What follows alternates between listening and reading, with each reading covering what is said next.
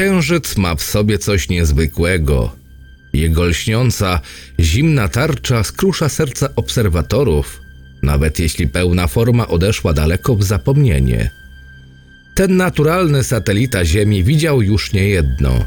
Słuchał szeptów ludzi załamanych, był świadkiem najbardziej romantycznych scen, widział okrucieństwo przeróżnych zbrodni, mających ciemność za sojusznika. Księżyc jest piękny w swoich niedoskonałościach. Poraniony przez milion kraterów, umiera każdego ranka. Nigdy nie mogłem wyjść z podziwu dla jego piękna. Jednak zawsze wzbudzał we mnie również niepokój, co spowodowane było tym, z czym mi się kojarzył. Mieszkam w miasteczku, które niegdyś było mini ośrodkiem przemysłowym. Działała tu cukrownia, zakłady. Z czasem wszystko się zmieniło. Działalność państwowa upadła, a ludzie zajęli się rolnictwem, kiedy zauważyli, że to przynosi więcej korzyści. Mamy tu bardzo dobre gleby. Sprzyja to szkółkom leśnym, które powstają w ogromnych ilościach. Zawsze mnie dziwiło, czemu zamiast wycinać drzewo z lasu znajdującego się za cukrownią, tworzono nowe knieje. Ta gęstwina dobrego materiału na opał nie została naruszona przez człowieka przez ostatni wiek, a to wszystko dlatego, że kiedyś ktoś tam coś tam. Mieszkańcy są okropnie przesądni. Nie bardzo obchodziła mnie historia i paranoja ludzi dotycząca tamtego miejsca. Mój dom stał bardzo blisko lasu, więc po tych 17 latach gapienia się w jego ciemność uzmysłowiłem sobie, że cały ten nieustanny strach jest powodem zbyt bujnej wyobraźni i słownych przekazów ze zmienionymi tysiące razy szczegółami. Teraz wszystko się zmieniło, a wszystko zaczęło się niecały miesiąc temu, na początku wakacji. Wtedy po raz pierwszy od długiego czasu miałem możliwość spotkania się z kumplami z dzieciństwa, którzy wyjechali do szkół oddalonych o kilkadziesiąt kilometrów. Oczywiście wskoczyłem na rower i w niecałe 10 minut byłem pod domem Cyryla. Czekali na mnie we dwóch. Przywitałem się z nim i z Sebastianem. Nie mogłem wyjść z podziwu, jak bardzo się zmienili. Oczywiście widywaliśmy się w soboty, ale nie były to jakoś specjalnie długie wizyty. Byłem zachwycony wizją spędzania z nimi wakacji, jednak po paru dniach zaczęliśmy się nudzić. Miasteczko to zadupie, takie zadupie, że nawet psy nie mają nic do roboty oprócz leżenia. W akcie desperacji postanowiliśmy odwiedzić prababkę Cyryla. Kobieta miała ponad setkę. Zawsze żartowaliśmy, że pamięta czasy przed Chrystusem, ale prawda była taka, że kobieta nieźle się trzymała mimo ciężaru lat. Patrząc na nią, nabierałem pewności, że wredota charakteru konserwuje ciało. Miała doskonałą pamięć, w dodatku uwielbiała opowiadać o dawnych czasach i kiedy tylko przekroczyliśmy próg jej domu, zaczęła gawędzić. Temat z komunizmu zszedł na śmierć, a co jest związane ze śmiercią i tym miejscem? Oczywiście legenda o starym lesie. Do tej pory nie znałem tak dokładnie tej opowieści. Przez myśl mi nawet nie przeszło, że usłyszę coś tak wstrząsającego od najbardziej wiarygodnego źródła. To miało miejsce, gdy prababka Cyryla była malutką dziewczynką. Całą gromadą często bawili się w pobliżu lasu, który w tamtych czasach był rzadkim skupiskiem drzew. Mogli chodzić na grzyby i jagody. Straszono ich błędem, strzygami i czymś tam jeszcze, co porywa małe dzieci. Dopiero po pewnym wypadku dorośli przestrzegali dzieci przed księżycową damą. Zbieg okoliczności chciał, by po samobójstwie pewnej kobiety odnaleziono ciało chłopca. Był przyjacielem babki, więc całe zajście zapamiętała bardzo wyraźnie, tak samo jak wydarzenie sprzed kilku dni tamtego czasu.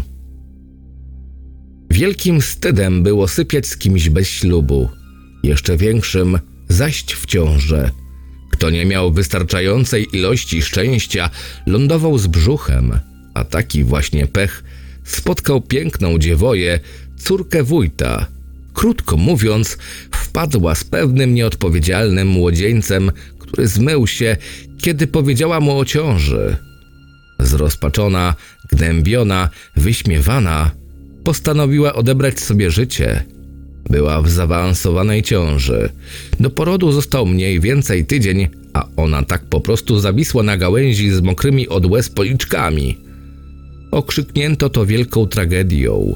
Słuchając opowieści babki, podświadomie zaciskałem dłoń w pięść. Było dla mnie śmieszne to, że ludzie zaczynają cię kochać dopiero wtedy, kiedy jesteś martwy. Poruszyła mnie ignorancja mieszkańców. Potem moja złość przerodziła się w gniew, kiedy usłyszałem, że po zaginięciu chłopca zmasakrowano grób dziewczyny. To jej przypisano porwanie i zabicie dziecka. Wszyscy jednogłośnie zgodzili się w sprawie, kto powinien być ukarany. Jeśli nie mogli wymierzyć sprawiedliwości w tradycyjny sposób, pozbawiono zmarłą jedynej rzeczy, którą posiadała. Wszyscy starali się żyć tak, jakby nigdy nie istniała. Wszyscy starali się zapomnieć. Utarła się teoria, że bardzo żałuje tego, co zrobiła. Jej matczyny instynkt mówił, że musi się kimś zaopiekować, ale widząc dziecko, przypomniała sobie o niedoszłym mężu i wpadała w szał. Właśnie taka wersja pozostała do dziś. Wakacje trwały w najlepsze. Kilka razy udało nam się pojechać nad wodę. Zabijanie czasu z kumplami szło świetnie, ale nuda wkradła się między nas pewnego razu. Zaczęliśmy rozmawiać o miejscowej legendzie. Po chwili doszliśmy do wniosku, że dziewczyna powinna zostać oczyszczona z zarzutów. Nikt nie zasługuje na takie poniżenie, przecież istniała, żyła, była człowiekiem. W tamtej chwili obudziła się w nas chęć zostania superbohaterami. Nie myśleliśmy trzeźwo. Chcieliśmy poczuć adrenalinę, strach, dlatego postanowiliśmy wywołać ducha samobójczyni. Sebastian twierdził, że już kiedyś to robił, więc zdaliśmy się na doświadczenie kolegi i przygotowaliśmy wszystko w jego domu. Tamtego dnia ustawiliśmy w pokoju stolik, świeczki i te wszystkie dziwne rzeczy, o których przeczytaliśmy w internecie. Zbliżał się środek nocy. Nikogo oprócz nas nie było na posesji. Narysowaliśmy na blacie trójkąt zamknięty w kole, po czym siedliśmy we trzech dookoła stołu. Seans się rozpoczął. Przyznam, że nigdy nie wierzyłem w takie bzdury jak duchy, zjawy czy potwory. Nawet jako dziecko nie miałem problemu z zostaniem sam w ciemnym pokoju. Jednak tym razem było inaczej. Sebastian odmawiał modlitwę, ja i Cyryl zamknęliśmy oczy, tak jak zostało nam nakazane. Trzymaliśmy się za ręce i wiedziałem, że ciągle jest nastroje. To było logiczne. Trzech chłopców, nikogo więcej. Choć świadomość pojawienia się między nami ducha wydawała się absurdalna, poczułem obecność kogoś obcego. To było nagłe doznanie, które zniknęło równie szybko, jak się pojawiło. Wiedziałem, że nie tylko ja popadłem w niepokój. Słyszałem łamiący się głos i drżenie ciał przyjaciół. Zacząłem się pocić. Moje serce biło tak szybko, jakbym właśnie przebiegł maraton. I nagle wszystko ustało. Strach zacisnął swoje zimne palce na mojej szyi. W jednej chwili nie istniało nic oprócz mnie. Nawet nie byłem w stanie stwierdzić, czy moi kumple nadal przebywają w pomieszczeniu. Stałem się samotny, tak jak samotny wydaje się księżyc w bezgwiezdną noc. Otworzyłem powoli oczy. Sebastian i Cyryl siedzieli w milczeniu, gapiąc się przed siebie.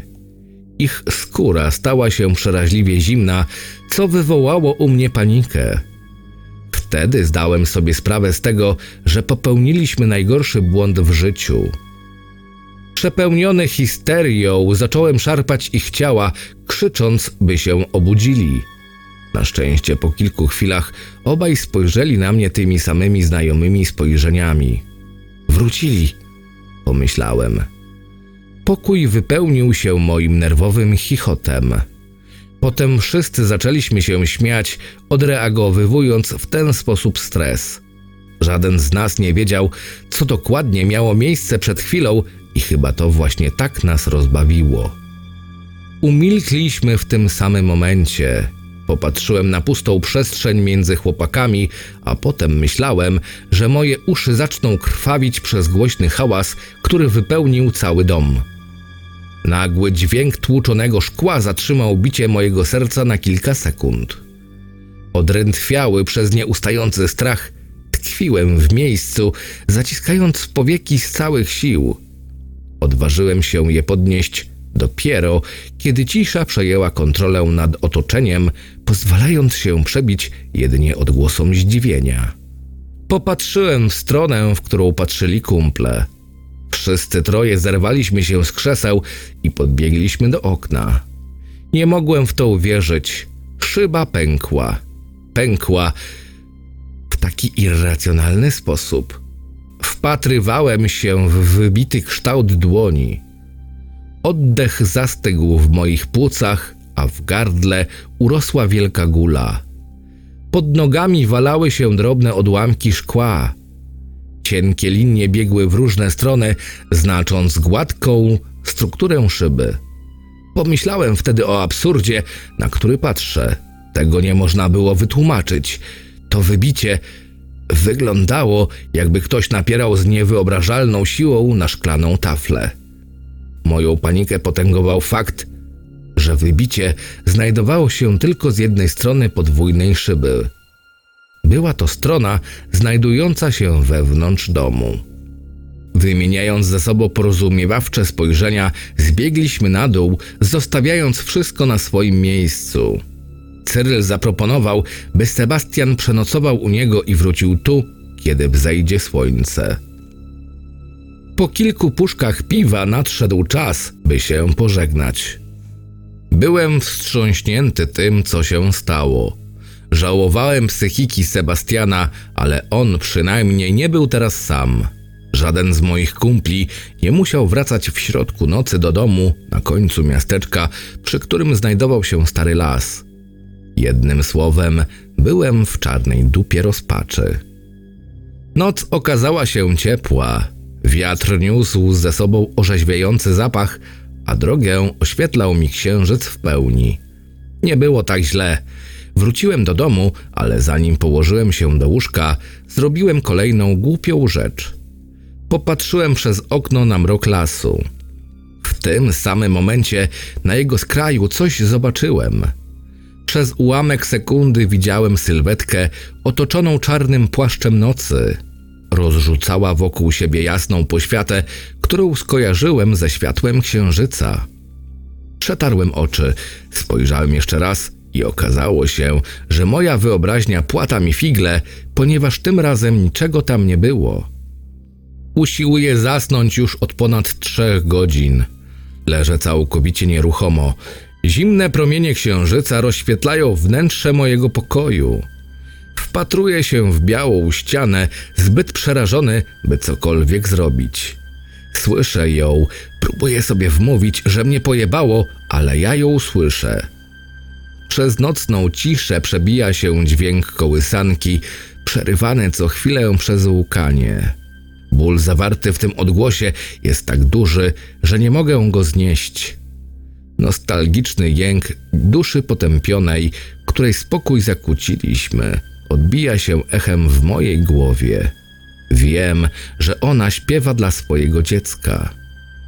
Byłbym w stanie współczuć dziewczynie, gdyby nie fakt, że melodia rozlega się tuż pod moim oknem.